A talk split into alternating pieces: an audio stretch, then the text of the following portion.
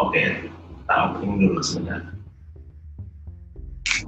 Selamat datang di episode kedua dari Kacripa, podcast yang ngobrolin soal folklore Indonesia atau elemen-elemen di Indonesia yang akan kami hubung-hubungkan, kami uh, cocok logikan dengan pop culture pop culture yang ada di dunia. Gue Shani Budi Pandita, lagi-lagi ada di episode ini bareng sama temen gue Mas Louis. Halo Mas. Halo Mas, apa kabar? Baik, baik. Gimana Mas? 40 hari lebih di rumah. Tetap ya. Minggu lalu kita ya. sekarang gini lagi ya. Sebenarnya bosen sih, tapi uh, apa ya? Um, lama-lama jadi terbiasa sama Biasa, ya. ya mulai beradaptasi beradaptasi sih sama uh, yeah, kondisi yeah. sekarang karena ya mau gimana lagi ya memang yeah. uh, uh, ketentuannya kayak gitu ya udahlah demi kebaikan bersama kan ya saya Mas yang biasa jalan-jalan ke hampir seluruh Indonesia gitu terus 140 hari di rumah aja kayaknya kasihan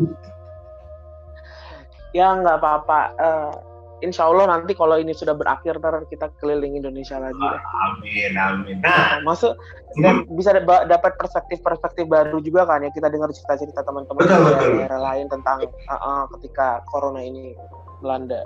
Iya. Nah, di episode perdana kemarin kan kita ngomongin Sri Asi nih Mas. Nah, hmm.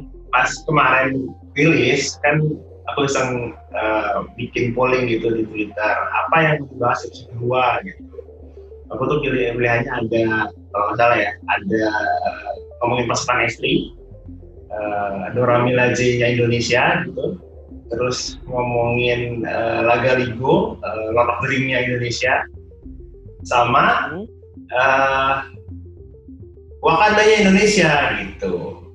Terus ternyata yang yang uh, berhasil memuncak memuncak berhasil uh, paling banyak adalah Wakandanya Indonesia gitu. Ternyata orang-orang juga pada penasaran ternyata. Dan beberapa kemarin malam-malam tuh kan iseng gitu kan ngerti juga pengen rekaman ini Wakanda Indonesia. Sebanyak beberapa orang yang lumayan tahu ya maksudnya uh, ada beberapa orang yang ini ya mas uh, apa namanya uh, daerahnya ini ada di Kalimantan ya di mana ya di mana ya? Gitu. jadi hari ini kita akan ngobrolin tentang uh, Wakandanya Indonesia gitu kali ya. Oke. Okay. Tapi sebelum sebelum masuk ke situ, kalau buat yang belum tahu Wakanda itu apa sih? Mungkin mungkin udah banyak yang tahu sih karena uh, Marvel Cinematic Universe itu sudah lumayan dikenal banyak orang. Tapi yang belum tahu uh, Wakanda adalah sebuah daerah fiktif yang dibuat oleh uh, Marvel gitu. Tapi daerah fiktif itu adanya di uh, pulau air pulau lagi di Afrika gitu di uh, di uh, border antara Ethiopia, uh, Sudan, Uganda dan Kenya. Jadi jadi uh, apa namanya Wakanda itu ada di daerah situ. Tapi yang menarik adalah Wakanda ini kalau sama orang biasa itu tidak dapat dilihat dengan kasat mata gitu. Jadi kalau orang biasa melihat itu hanya melihat hutan biasa aja gitu. Tapi buat Wakandan atau orang-orang yang ada di situ mereka bisa uh, tahu uh, jalan masuknya di mana gitu, bordernya di mana sih masuk dan mereka harus punya semacam apa ya, semacam uh, ID pass gitu di di di mulutnya di dalam mulutnya itu supaya mereka bisa masuk ke Wakanda atau ya benar pokoknya intinya tidak tidak semua orang bisa melihat dan masuk atau keluar dari Wakanda gitu. Nah kalau lu mau nonton itu bisa nonton Black Panther. Kalau melihat Wakanda kayak apa sih? Nah yang yang menurut menariknya lagi Wakanda ini walaupun di Afrika dan walaupun adanya di hutan itu semuanya uh, high tech semuanya uh, apa namanya peradabannya itu maju sekali bahkan lebih maju daripada kota-kota yang ada di luar Afrika. Jadi kalau hmm. belum tahu uh, di Wakanda itu adalah sumbernya uh, vibranium, uh, salah satu metal terkuat di universe-nya Marvel Cinematic Universe. Itu dari luar angkasa mas ya kalau nggak salah. Angkasa, itu itu dari luar angkasa uh, jatuh ke Afrika itu. Nah karena si vibranium itu jatuh material vibranium itu jatuh Afrika jadi me, apa ya mempengaruhi keadaan sekitarnya. Nah itu Wakanda, itu tentang Wakanda. Tapi kan kita ngomonginnya tentang Indonesia nih. Nah di sini adalah ada Mas Rui yang sebagai folklore entusias yang yeah. yang yang akan menceritakan ternyata Indonesia juga punya sejenis Wakanda. Tapi nggak hanya satu, ada lumayan banyak ya mas ya? Banyak betul. Jadi oh. kita kalau di Afrika cuman ada satu ya, kalau di universe Marvel, kalau Indonesia punyanya banyak banget gitu. Oh. Lebih dari satu kerajaan gaibnya gitu.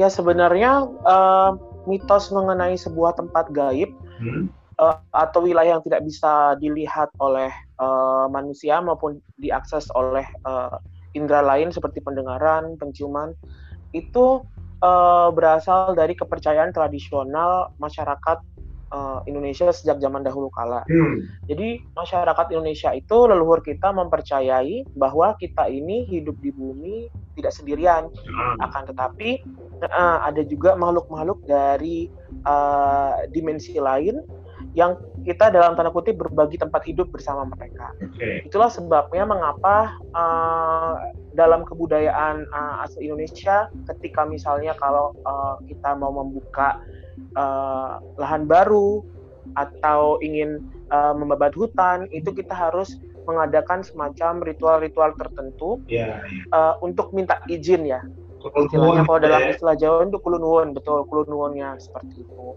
karena jangan sampai uh, di tempat itu sebelumnya itu sudah ada yang menghuni dalam tanda hmm. kutip hmm. seperti itu uh, udah ada yang jadi um, bau rekso yeah. atau udah ada yang jadi uh, uh, penjaganya di situ kan nah entah di situ dalam bentuk kerajaan atau uh, rumahnya mereka atau apa gitu hmm. uh, pokoknya yang tidak bisa diakses oleh indera uh, fisik manusia sehingga kemudian diadakanlah ritual-ritual seperti itu jadi konsepnya itu berangkat dari situ, Mas. Okay. Kepercayaan asli uh, leluhur Nusantara bahwa kita tuh hidup di muka bumi ini nggak sendirian seperti itu. Hmm. Dan uh, lokasi-lokasinya pun tidak cuma di darat, Mas, oh. tapi juga di laut. Ah, ya, iya. uh, jadi menariknya, mm, jadi menariknya dulu itu uh, waktu S1 aku KKN di uh, Pulau Selayar hmm. di eh, ke, ya Kabupaten Kepulauan Pulau Selayar di Provinsi Sulawesi Selatan. Nah, uh, kebetulan di desaku tempat KKN itu itu adalah desanya orang-orang uh, dari suku Bajo. Nah, suku Bajo. Orang-orang dari suku Bajo, ya ini kan mereka terkenal sebagai pelaut sejati ya. ya. Dan uh, ibarat kata tuh laut itu adalah uh, halaman rumah mereka lah. Aquaman Indonesia gitu lah ya. Iya, kira-kira seperti nah. itulah. Nah, kemudian uh, kemudian waktu itu aku pernah tuh diajak jalan-jalan sama uh, warga uh, di desa tempat aku KKN itu piknik waktu itu kita rame-rame gitu kan naik kapalnya uh, mereka pergi ke uh, sebuah pulau kecil yang nggak terlalu jauh dari uh, pulau utama Selayar. Jadi uh, Selayar itu punya pulau banyak banget mas. Kayak pulau seribu gitu?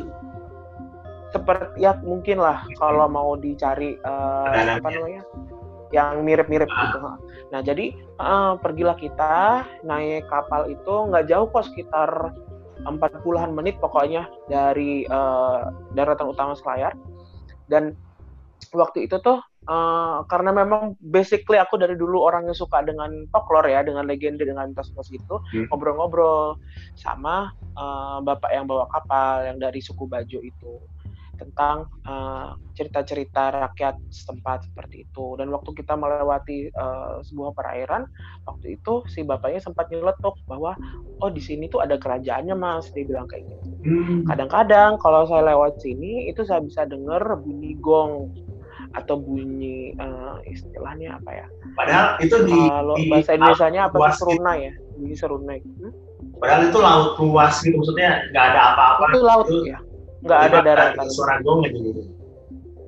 Iya jadi saat-saat tertentu itu akan dengar suara serunai suara apa namanya gendang ditabuh suara gong. Jadi kayak seakan-akan sedang ada perayaan kayak gitu. Dan itu uh, apa namanya lumrah terjadi. Maksudnya di di uh, banyak tempat memang uh, itu memang apa ya ya udah ada dari dulu gitu ceritanya. Jadi nggak cuma di darat tapi juga di laut nah dalam hal ini salah satu contoh kerajaan gaib atau wilayah gaib yang paling terkenal di Indonesia dan saya juga yakin teman-teman uh, di rumah juga pasti udah Tahu, familiar kan? dengan nama kerajaan ini sejak kecil itu adalah kerajaan Laut Kidul atau Laut Selatan. Ah, iya, iya. Oleh Kanjeng Ratu Kidul. Nah, itu juga kan posisinya di laut. Ya. Yes. Jadi kita uh, apa namanya ketika ngomongin uh, Wakandanya Indonesia, kalau Wakanda di Afrika sana dia letaknya di darat ya, di lembah ya Mas ya. Di lembah. Lane kayak gitu kan ya? Iya. Kalau nggak salah. Iya, dan uh, ketutup hutan juga kalau nggak salah ya. Nah, hmm. kalau di Indonesia itu nggak cuma di uh, darat tapi juga di laut seperti itu. Nah, seperti yang tadi Mas Ani bilang, uh, di Indonesia kita mengenal konsep uh, bukan konsep ya, tapi uh, kepercayaan hmm. terhadap kerajaan gaib itu cukup banyak ya. Iya itu benar itu benar jadi tidak hanya uh, tadi yang di selayar itu ada kemudian uh, kerajaan Segoro Kidul Laut Selatan yang dipimpin oleh Kanjeng Ratu Kidul yang paling terkenal di Indonesia yeah. kemudian ada juga Wentira mas Wentira nah ini hmm. Nah jadi Wentira ini menarik jadi posisinya Wentira itu sebenarnya nama uh, sebuah wilayah di dekat kota Palu, Sulawesi Tengah. Oke. Okay. Nah, uh, Wentira ini letaknya di kebun kopi di jalan uh, jalan poros Trans Sulawesi dari arah Palu ke Parigi. Nah, hmm. Wentira ini kalau kita ke sana sekarang itu sebenarnya tidak lebih dari kayak apa ya? kampung kecil di mana di sana itu ada jembatan. Hmm. Kemudian ada sebuah tugu warna kuning. Dicat kuning gitu, terus ada tulisannya ngapa Wentira ngapa dalam bahasa uh, lokal itu berarti uh, kampung. Oh, Oke. Okay. Seperti itu. Uh -uh. Jadi ngapa Uentira itu maksudnya berarti kampung atau daerah Uentira. Nah, uh, akan tetapi uh, bagi orang-orang yang memiliki uh, kemampuan khusus, hmm percaya nggak percaya ya, tapi uh, ketika berkunjung ke Wentira itu yang mereka lihat tuh bukan kampung kebun kopi, uh, jembatan seperti itu, akan tetapi itu bentuknya seperti sebuah kerajaan gaib yang uh, besarnya luar biasa, katanya bahkan uh, mengalahkan luasnya New York gitu ya. Yang nggak tahu ya yang cerita udah pernah ke New York atau belum. Cuman katanya uh, mengalahkan uh, gemerlapnya Paris gitu ya. Yeah, yeah. Terus habis itu mm, bangunannya juga katanya disepuh oleh emas. Bangunan disepuh emas, kemudian di sana sudah ada transportasi transportasi modern. Ah. Jadi uh, udah ada kereta layangnya, udah ada mobil terbang segala macam. Ya kira-kira mungkin mirip dengan gambaran akan Wakanda kan? Yeah, yeah, yeah, kurang lebih. Iya. Dan um, kemudian kalau kerajaan Laut Kidul itu uh, dipimpin oleh Kanjeng Ratu. Uh-huh. Dalam artian dia bentuknya kerajaan matriarki ya. Yeah. Jadi kerajaan dipimpin oleh perempuan. Nah, kalau di Uentira ini konon katanya bentuknya itu uh, tidak tidak seperti kerajaan dalam benak kita, hmm. tapi dia itu lebih seperti persekutuan. Oh. Kayak gitu. Jadi ada beberapa pemimpin-pemimpin di sana jadi nggak cuma satu dipegang oleh satu kekuasaan mutlak seperti itu. Berarti beneran Jadi beneran kayak beneran kayak Wakanda tuh mas? Wakanda tuh ada di Wakanda itu ya tribesnya. Tribes ya. ah, ada segala macam ada lima tuh. Nah itu kayak gitu berarti? Iya kurang lebih mungkin gambarannya seperti itu. Karena uh, jadi gini mas. Ini menariknya seperti ini. Uh, ketika kita ngomongin kerajaan uh, gaib itu berarti kita tidak terlepas dari uh, bayangan kebudayaan masyarakat tempat kerajaan gaib itu berada kan. Yeah. Nah, dalam hal ini yaitu uh, kebudayaan masyarakat di Palu. Nah, masyarakat di Palu di Palu itu kan uh, mereka itu berasal dari suku Kaili. Nah, suku Kaili ini juga punya punya branches banyak banget. Jadi punya anak-anak suku uh, 30-an lebih kalau tidak salah, hmm. di mana masing-masing itu punya bahasa dan kebudayaannya sendiri. Okay. Jadi kekayaan Indonesia kan di situ tuh kita amat sangat beragam. Yeah, yeah. Nah di suku-suku Kaili ini dulu ada, ada punya kerajaan juga. Jadi ada kerajaan Palu, kerajaan Parigi segala macam. Nah um, kerajaannya mereka itu juga sifatnya tidak dipimpin oleh uh, kekuasaan itu tidak berada di tampuk satu orang yang seperti kaisar gitu lah. Ah. Jadi selalu ada dewan-dewan adatnya gitu. Istilahnya macam-macam. Ada yang sebut pak bicara, ada uh, apa adat apa gitu. Jadi macam-macam. Cuman di sini mengindikasikan bahwa bahkan di kerajaan gaib Wentira pun ah. dia itu uh, apa istilahnya ya mimicking ya mimicking memimik hmm. uh, apa ya meniru mengimita uh, konsep dari dia mengimitasi yeah. kali ya ya mengimitasi konsep dari uh, local culture yang ada di wilayah tersebut seperti itu istimewanya kayak gitu kan dan konon uh, di uh, di megapolis Wentira ini itu juga amat sangat internasional jadi di sana itu ada bangsa makhluk gaib dari Amerika, dari Eropa, katanya seperti itu. Multikultural gitu berarti mas ya? Mm -mm. Ya uh, multikultural dan uh, mereka itu ini apa namanya punya uh, pokoknya buka kayak semacam ini uh, konsulat oh. jadi kedutaan besar uh -uh. jadi halo ya ya uh, apa namanya uh, duta besar dari Segoro Kidul kerajaan Segoro Kidul konon katanya juga uh, mengirim ke sana seperti itu gitu nah Oke okay, oke. Okay. Lucu ya. Jadi uh, mereka juga punya ini. Uh, uh, terus mereka punya pelabuhan. Hmm? Terus terus mas? Ya. Uh. Uh, mereka punya kayak pelabuhan internasional gitu. Jadi hmm. yang kelihatannya kayak apa namanya perkebunan kopi daratan apa semua segala macam, uh. ternyata di dimensi gaib itu laut kayak oh. gitu laut dengan kapal-kapal gede gitu kan kapal-kapal yang bisa terbang bisa menyelam ke dalam uh, samudra seperti itu jadi uh, Wentira ini boleh dikata salah satu pusat jadi bukan cuma kerajaan gaib lokal tapi dia juga jadi pusat um, apa namanya uh, trade ya trade dan ah. political center di dunia gaib. Kira-kira seperti itu. Nah kemudian uh, selain Wentira itu juga masih di sekitar uh, daerah Pulau Sulawesi hmm. itu ada uh, kerjaan gaya di daerah Masalembo. Masalembo itu juga perairan. Oke. Okay. Uh, uh, di perairan Masalembo yang konon banyak uh, kapal hilang ya kapal pesawat hilang itu hmm. itu juga katanya di sana ada uh, kerajaan gaib. Um, tapi dia tidak terdokumentasi belum terdokumentasi dengan ini ya dengan dengan jelas jadi hmm. ceritanya uh, memang masih samar-samar kita uh, kalau aku pribadi belum bisa cerita banyak terkait dengan masa yeah, Lembo yeah. Um, kan beda tuh kalau misalnya tadi kerajaan gaib Segoro Kidul kan itu di babat tanah Jawi juga sudah disebut seperti itu dan yeah, itu sampai yeah. sekarang masih jadi kepercayaan hmm, bagi banyak uh, masyarakat Jawa khususnya uh, yang tinggal di kawasan Laut Selatan. Hmm Wentira pun begitu. Jadi Wentira ini nggak ada catatan Belanda atau catatan lokal sebenarnya yang menyebutkan tentang kerajaan gaib, akan tetapi dia hidup sebagai uh, sebuah kepercayaan aja sih, desas-desus uh, masyarakat bahwa katanya oh ya di sini ada kerajaan gaib atau uh, ada peristiwa di mana waktu itu ada orang uh, ngirim mobil bagus gitu kan ya, ya, ya. ke sana, uh, tapi orang-orang di sana tuh pada bingung gitu, ini siapa yang pesan mobil mewah? Katanya nggak ada, nggak ada di desa ini yang uh, pesan mobil mewah ini. Terus bilang katanya enggak, katanya ini orang dari dari kerajaan Wentira itu. Uh, terus habis itu, nah ini menarik nih. Jadi uh, kalau Wentira tadi ataupun masa Lembo dia nggak ada catatan uh, sejarahnya hmm. ada satu kerajaan gaib di uh, wilayah Kalimantan hmm. yang uh, pernah dicatat dalam peta Belanda mas tahun 1850-an kalau nggak salah. Jadi peta yang dikeluarkan uh, oleh Belanda pada tahun 1850-an itu pernah mencatat uh, ada sebuah daerah di sana namanya Tanjung Seranjana.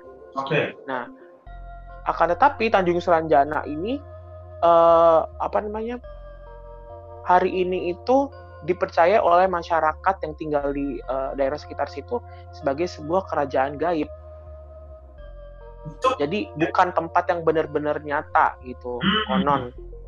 Uh, uh, jadi uh, apa Saranjana, kerajaan gaib Saranjana ini juga kurang lebih sama dengan Wentira. Dia adalah kerajaan yang besar dan uh, konon kalau manusia tersesat masuk itu udah nggak bisa pulang kayak gitu. Oh, kalau kalau Wentira kan katanya ada ada ininya, ada semacam uh, apa namanya ya, uh, do's and don'ts gitu kan. Kalau misalnya lu masuk, lu mau keluar kayak jangan pakai baju kuning, jangan makan dari situ gitu-gitu. Tapi kalau yeah. penjara ini sama sekali masuk udah nggak bisa keluar aja gitu ya, udah nggak bisa balik lagi ke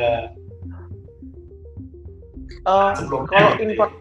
informasi detailnya juga uh, ya kurang tahu ya masalahnya belum pernah masuk amit amit Enggak, tapi maksudnya kalau dari cerita-cerita yang dikumpulkan ya memang seperti itu. Hmm. Maksudnya uh, dia orang misalnya ada anak hilang gitu kan. Anak hilang, oh uh, orang akan berkomentar, oh dia diambil sama orang dari negeri itu oh. gitu dari Saraja okay. seperti itu. Jadi uh, apa namanya ya kasus-kasus orang hilang, kapal hilang atau kasus-kasus yang tidak bisa dijelaskan dengan akal pikiran itu biasa akan dikaitkan dengan uh, tempat tersebut seperti uh. itu. Saranjana itu. Tapi Kemudian apa, apa yang ada juga mm -hmm. apa yang membedakan Saranjana dengan Wentira? Maksudnya kan Wentira kan uh, sangat distintif sekali ya. Maksudnya semua kuning gitu, emas, terus uh, ya, uh. dan lain-lain gitu. Kalau Saranjana ini kayak kayak gimana mas? Kalau ada ada ada deskripsi uh, daerahnya kah kayak gimana gitu? Kalau Saranjana itu memang nggak sedetail uh, Wentira ya uh, cerita-cerita terkait dengan Saranjana itu. Um, kalau Wentira, kenapa kemudian dia bisa digambarkan dengan amat sangat detail? Itu ada uh, kaitannya juga dengan ini mas, dengan liputan-liputan yang pernah dilakukan oleh uh, ya, ya, ya, ya, media. Uh, uh, kayak contohnya waktu itu kan uh, salah satu episode Mister Tukul jalan-jalan itu pernah ke sana kan ya. Hmm. Dan karena itulah kemudian Saranjana dapat uh, sorot uh, sorry uh, Wentira dapat sorotan yang besar sekali dari masyarakat Indonesia karena setelah itu kan kemudian kalau nggak salah on the spot juga pernah ngeliput uh, apa namanya Wentira seperti itu. Sedangkan Saranjana memang belum terlalu banyak dieksplorasi. Kalau misalnya seandainya ada liputan gitu kan ya kesaran jana mungkin juga bisa dapat iya, deskripsi yeah. yang lebih detail aja kayak gitu. Ya kan kalau saya mohon maaf ya mas ya saya tidak pernah belum pernah ke sana jadi ya nggak bisa dan nggak bisa ng ngelihat yang aneh-aneh kota gaib apa segala macam. Ya jangan sampai juga kali mas ya. Ya jangan sampai. Cuman ya kita kita ngumpulin cerita rakyatnya kayak gitu. yeah, yeah, yeah. dan uh, apa namanya data-data uh, arsip ya uh, arsip hmm. arsip arsip sejarah yang berkaitan nah terus habis itu ada juga nih mas cerita uh, selain di Saranjana Wentira Segoro Kidul Masa Lombok itu juga ada di daerah uh, Lombok Lombok jadi konon uh, uh, di Gunung Rinjani itu ada kerajaan gaibnya di atas Gunung Rinjani itu itu juga ada kerajaan gaib yang mimpin juga perempuan namanya Dewi Anjani. Dewi? Nah, menariknya lagi Dewi Anjani. Anjani. Ya, dan menariknya lagi Dewi Anjani ini konon katanya masih berkerabat dengan uh, Ratu Laut Selatan. Konon. Dan uh, ya, dan terus kalau misalnya uh, teman-teman uh, yang suka dengan cerita-cerita pewayangan seperti itu pasti familiar dengan nama Anjani. Iya, iya. Karena nama Anjani ini juga disebut dalam epos Ramayana. Yes. Jadi Anjani ini adalah uh, anaknya Resi Gotama uh, dan juga merupakan ibu dari Anoman. Hmm. Jadi karakter Anoman si kera putih itu adalah putra dari Dewi Anjani. Dan Anjani ini adalah uh, adik dari Raden Subali dan Raden Sugriwa. Yaitu uh, kalau Sugriwa ini kan dia yang uh, membantu Sri Rama ya yeah. dalam peperangan untuk memperebutkan Dewi Sinta yang diculik oleh Rawana seperti itu. Nah, apakah ada kaitannya dengan uh, Dewi Anjani yang di pewayangan dengan Dewi Anjani yang ada di Gunung Rinjani itu uh, kita masih misteri gitu. Cuman ada semacam cerita rakyat gitu, kepercayaan masyarakat bahwa uh, Gunung Rinjani itu adalah potongan dari uh, Gunung Mahameru huh? yang uh, uh, yang diangkut oleh Anoman. Oh, yang yang buat dia mereka eh, Anoman jadiin apa namanya jembatan itu?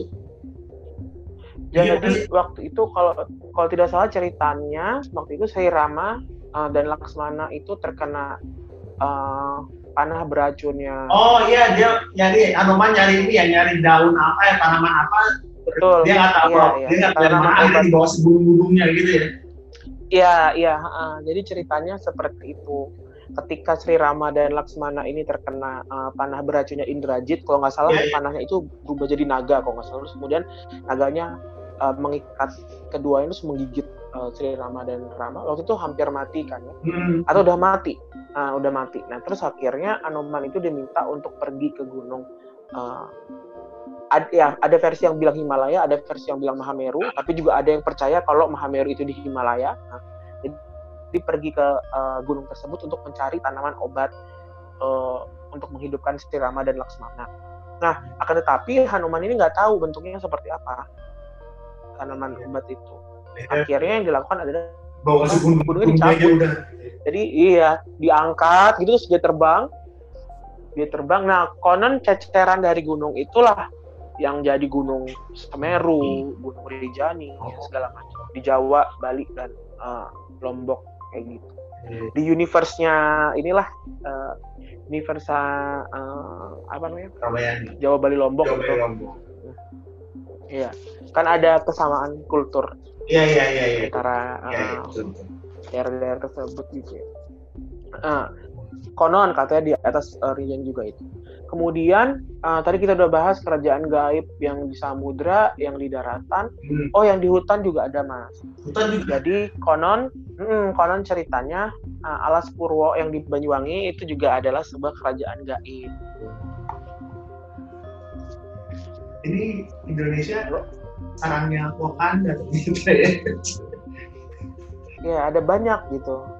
Jadi itu pernah ya tahun berapa gitu kalau nggak salah pernah baca uh, ceritanya ada bus bus dari uh, Medan mau hmm. ke somewhere ke Sumatera bagian selatan.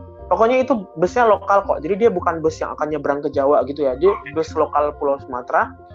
Terus uh, di jalan gitu ya tiba-tiba itu si sopirnya ngerasa kayak masuk terowongan hmm. masuk terowongan gitu. Terus nggak berapa lama kemudian keluar terowongan tuh udah nyampe di alas purwo semangat. Iya jadi kayak ada apa ya ada pintu-pintu gaibnya gitu. Iya, entah kenapa kemudian busnya bisa nyasar ke Banyuwangi padahal tujuannya mungkin ke Palembang atau ke Padang. Tapi bus dari Medannya itu malah nyasarnya ke sana sejauh itu. Ini kalau ngobrolin kemistisan ya Indonesia ini agak me, apa ya meng, menyeramkan iya gitu. Tapi juga in some way kok tertarik menarik gitu ya mas ya? Iya jadi tuh apa ya um, istimewa aja gitu loh. Kalau misalnya Marvel yang notabene bikinan dari uh, Amerika bisa come up dengan cerita-cerita seperti itu. Uh, sebenarnya nenek moyang kita dari dulu juga udah ada. udah tahu maksudnya udah punya iya udah punya konsep yang kurang lebih sama atau bahkan lebih spektakuler. Iya iya iya. Hmm, cuman kan bagaimana kemudian kita bisa menuangkan itu uh, ke media-media baru dalam artian film bentuknya bisa berarti film atau kemudian uh, komik fantasi seperti itu itu kan tugasnya kita generasi muda. Yeah. Kalau materialnya, kalau ingredientnya itu udah ada, udah ibarat kata sama leluhur kita udah diserakin, udah ditebar di mana-mana. Nih ada di cerita kayak gini, terserah kalian mau mengolahnya kayak gimana. Iya, tinggal makanya kalau di sini kan, hmm, kalau di sini kan uh, aku pribadi sebagai orang yang hobinya mengumpulkan folklore, meneliti folklore kayak gitu hmm. gitu kan, itu sebenarnya kan menyediakan ingredients yang bisa dipakai oleh generasi muda Indonesia untuk uh, mengeksplor uh, cerita rakyatnya lewat media baru. Yes. Nah itu tadi uh, jadi Rinjani udah, kemudian uh, apa? Hmm, Segor Kidul udah, Wantira udah, Masa Lembu udah, Saranjana udah, terus oh kemudian ada juga nih mas kerajaan yang dia tuh ngawang di angkasa. Waduh, jadi jadi Indonesia tuh kan ya ada yang di bawah laut ada. Yang di darat ada. Ada. Angkasa juga. Ada. Ada. You name it lah pokoknya. Ada semua. Nah kalau yang di uh, kerajaan yang di langit ini itu sebenarnya ada beberapa. Tapi salah satu yang eh, menarik untuk dibahas mungkin ini ya. Kerajaan gaib namanya Morokayangan. Morokayangan. Morokayangan. Oke. Okay. nah kalau kerajaan Morokayangan itu memang dia posisinya di atas awan jadi memang di antara langit dan bumi kayak gitu hmm. dan uh, ya buat teman-teman ya ini bagi yang percaya aja sih ya kalau uh, apa namanya uh, bisa melakukan astral projection hmm. jadi bisa uh, istilah tradisionalnya bisa melakukan ilmu rogo sukmo gitu. Oh, iya. Moro Kayangan ini mm, Moro Kayangan ini tempatnya susah sekali tembus. Ya teman-teman yang suka astral gitu ya. Nah itu kalau ke sana nggak gampang. Hmm. itu harus dapat izin khusus kalau mau masuk ke Morokayangan itu. Jadi eh, konon ya jadi di, di deskripsinya seperti seperti ini mas. Morokayangan ini kayak ditutup sama kubah. Oh, oke. okay. Jadi ada kubah besar besar sekali kubahnya gitu yang uh, jadi mekanisme defense-nya mereka. Jadi mirip Wakanda waktu di uh, Endgame oh, kalau iya, iya, iya, Wakanda, kan Wakanda ngeluarin kubah. Halo? Iya, iya. Hmm.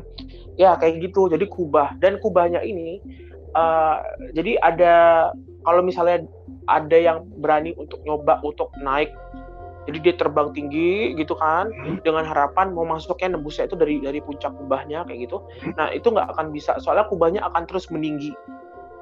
Jadi ketika dia mau mau apa ibarat kata uh, ke apa puncak kubahnya itu itu nggak bakal bisa. Si, si uh, defense systemnya bagus banget berarti ya. Sampai iya jadi kubahnya bisa tumbuh oh. ya sebenarnya hayalan-hayalan bahwa uh, kubah bisa tumbuh jadi besar atau kemudian pohon uh, apa tembok bisa jadi uh, membesar itu sudah ada di cerita rakyat kita lama banget sih mas. Oh. Itu ada uh, tembok yang kemudian bisa memanjang, bisa misalnya jadi jadi tinggi gitu ya. Iya iya. Bukan memanjang sorry, jadi jadi tinggi gitu. Semakin lama semakin tinggi sehingga susah di susah di apa uh, lompati atau dipanjat itu juga udah ada di babat tanah Jawi contohnya. Hmm. Nah uh, Hal yang sama juga ada di uh, defense mekanismenya Morokayanga. Jadi teman-teman ini kita ngomongnya folklore ya. Mau percaya silakan, tidak percaya tidak apa-apa. Iya. Serunya lagi nih ya, serunya lagi. Uh, ada sebuah uh, wilayah di Morokayangan yang mm-hmm. dipimpin oleh seorang raja uh, yang jahat gitu ya. Mm-hmm. Sebutlah dia uh, you know who gitu si you know who ini dia kayak Voldemort. Oh, kayak Voldemort ya? Si ya dia yang tidak boleh disebut namanya. Nah si raja uh, you know who itu ini dia itu berusaha untuk uh, mengambil Dewi Anjani. Hmm. katanya gitu. Makanya dia sering tempur turun ke uh, ke Rinjani untuk mengambil uh, mengambil uh, Dewi Anjani. Entah mengambil Dewi Anjaninya untuk dipersunting atau pusaka yang disimpan oleh Dewi Anjani seperti itu. Kayak gitu. Nah, kalau Dewi Anjani sendiri itu dia uh, daerah yang di Rinjani itu dia berkoalisi dengan Sege, kerajaan gaib Segoro Kidul dan juga Uentira. Itu memang mereka ada kayak perjanjian persekutuan kayak gitu ya kayak kita punya PBB gitu ya nah mereka juga ya, ya, ya, ya. Uh, jadi pasukan sekutu kalau misalnya ada kerajaan yang nyerang salah satu ini maka akan langsung dibantuin kayak gitu Aduh. itu baru secuplik doang ya mas ya soalnya kan uh, ya yang namanya folklore kan amat sangat luas dimensinya. Ya, ya, ya, ya. Uh, uh, cerita-ceritanya juga banyak versinya. Jadi ada versi seperti ini, ada versi yang lain kayak gitu. Apa yang misalnya aku ceritakan ini mungkin bagi teman-teman yang mendengarkan uh, juga ngerasa enggak deh kayaknya ada uh, yang yang uh, gue dengar waktu kecil nggak kayak gitu deh atau kayak yang gitu, gue tahu uh, nggak kayak gitu ya. Which is it's it's totally fine nggak apa-apa karena memang uh, itulah kekayaan budaya Indonesia. Jadi kita jangan melihatnya sebagai sebuah kekurangan, tapi justru semakin banyak versinya justru semakin kaya dia kayak gitu. Yes, betul. Uh -uh. Nah, seperti itu. Terus ada juga kerajaan uh, kalau kita baca dari naskah-naskah kuno ya, itu ada yang ada yang unik deh. Jadi ada salah satu naskah Panji, cerita Panji gitu. Uh, itu uh, diceritakan bahwa uh, rajanya ini pergi ke Pulau Jawa. Jadi dia dari luar Jawa gitu kan ya, terus habis itu berlayar ke Pulau Jawa untuk um, mempersunting Putri Galuh Chandra Kirana. Nah, konon, konon dalam cerita versi uh, Panji versi ini ya, si raja tersebut itu tuh membawa sebuah cupu manik. Cupu manik itu kayak apa sih wadah kecil gitu loh mas, okay. wadah yang ada tutupnya gitu. Jadi dia kayak uh, wadah cantik berukir-ukir gitu. Nah, dan ternyata uh, apa namanya dia itu nyimpan kerajaannya di situ mas. Jadi dia dulu ngebawa keraton dan segala bala tentara tentaranya itu dalam situ jadi kayak ini ya kayak kayak apa House of Troy gitu kali ya tapi dia dimasukin semua kerajaannya ke dalam situ ya? Iya jadi ketika dia masuk uh, apa namanya kerajaannya Galuh Chandra Kirana diketawain sama menteri-menteri sama pangeran-pangeran di sana karena uh, apa nih raja apa nih datang sendirian nggak bawa apa-apa mau ngelamar putri kita gitu kan. Uh. Wah, langsung lah dia dengan gagah perkasa ngeluarin cupu maniknya gitu kan. Pas cupu maniknya dibuka wah ternyata istana-istananya prajurit-prajuritnya dia yang jumlahnya ribuan keluar semua. Waduh. Kayak gitu hitungannya bukan kerajaan gaib itu sebenarnya ya ya tapi iya. nggak ya. apa-apa lah kita kita Menarik. cerita di sini. Ini por portable kerajaan portable bisa dibawa. Ya, kerajaan portable. Uh, uh, benar. Dan uh, apa ya? Banyak lah pokoknya apalagi uh, kalau kita baca di naskah-naskah kuno maupun cerita-cerita yang tidak ditulis ya dalam artian dia itu hidup uh, dari mulut ke mulut. Uh. Dan daerah Indonesia Timur juga ada banyak banget cerita-cerita seperti ini kayak gitu. Nah, makanya uh, buat teman-teman yang ngedengerin uh, cintailah folklore Indonesia. Yes. Jadi jangan cuma produk-produk Indonesia, tapi juga ayo mari kita sama-sama uh, uh, cari tahu nih tentang folklore-folklore yang ada di Indonesia. Soalnya kan gini ya Mas ya, folklore itu kebanyakan tidak ditulis, jadi listnya. Yeah, yeah. Nah, yang menguasai itu juga orang-orang yang usianya sudah tidak muda lagi, yang sudah sepuh. Nah, hmm. Takutnya uh, kalau misalnya tidak uh, didokumentasikan atau diturunkan ceritanya, kepada yeah. yang muda-muda ini ya sudah nanti karena begitu saja. Padahal ada banyak sekali kekayaan uh, di dalam folklore-folklore tersebut. Jadi bukan cuman uh, cerita-cerita yang sifatnya dalam tanda kutip fantasi ya tapi yeah. juga ajaran-ajaran moral. Ajaran-ajaran yang berhubungan dengan lingkungan jadi karakter folklore kan memang seperti itu yes dia menyampaikan uh, lewat balutan-balutan cerita yang mungkin penuh dengan imajinasi, tapi sebenarnya ada values di sana, ada uh, apa namanya moral dan etika yang disampaikan seperti itu. Gila, gila, gila, gila. Tuh, kalau Marvel cuma punya satu, Indonesia tadi itu secuplik tuh, itu baru secuplik tuh. Baru secuplik, nah, iya. Lebih dari lima malah tadi kalau masalah gue itu. Hmm, banyak banget mas, banyak banget ya. Gitu karennya uh, Indonesia. Hmm, mau di darat, uh, di air, di angkasa ada gitu. Ah, Oke deh kalau gitu. Makasih ya Mas Lu ya. Ini sama-sama Mas Ani. Mencerahkan dan membuka pikiran dan kayak wow ternyata Indonesia sekeren itu gitu cerita-ceritanya tuh gitu. Oke, sampai ketemu lagi di episode selanjutnya di Kat Cerita bareng gue Sandi Budi Panita dan Mas Lui. Bye. Bye semua.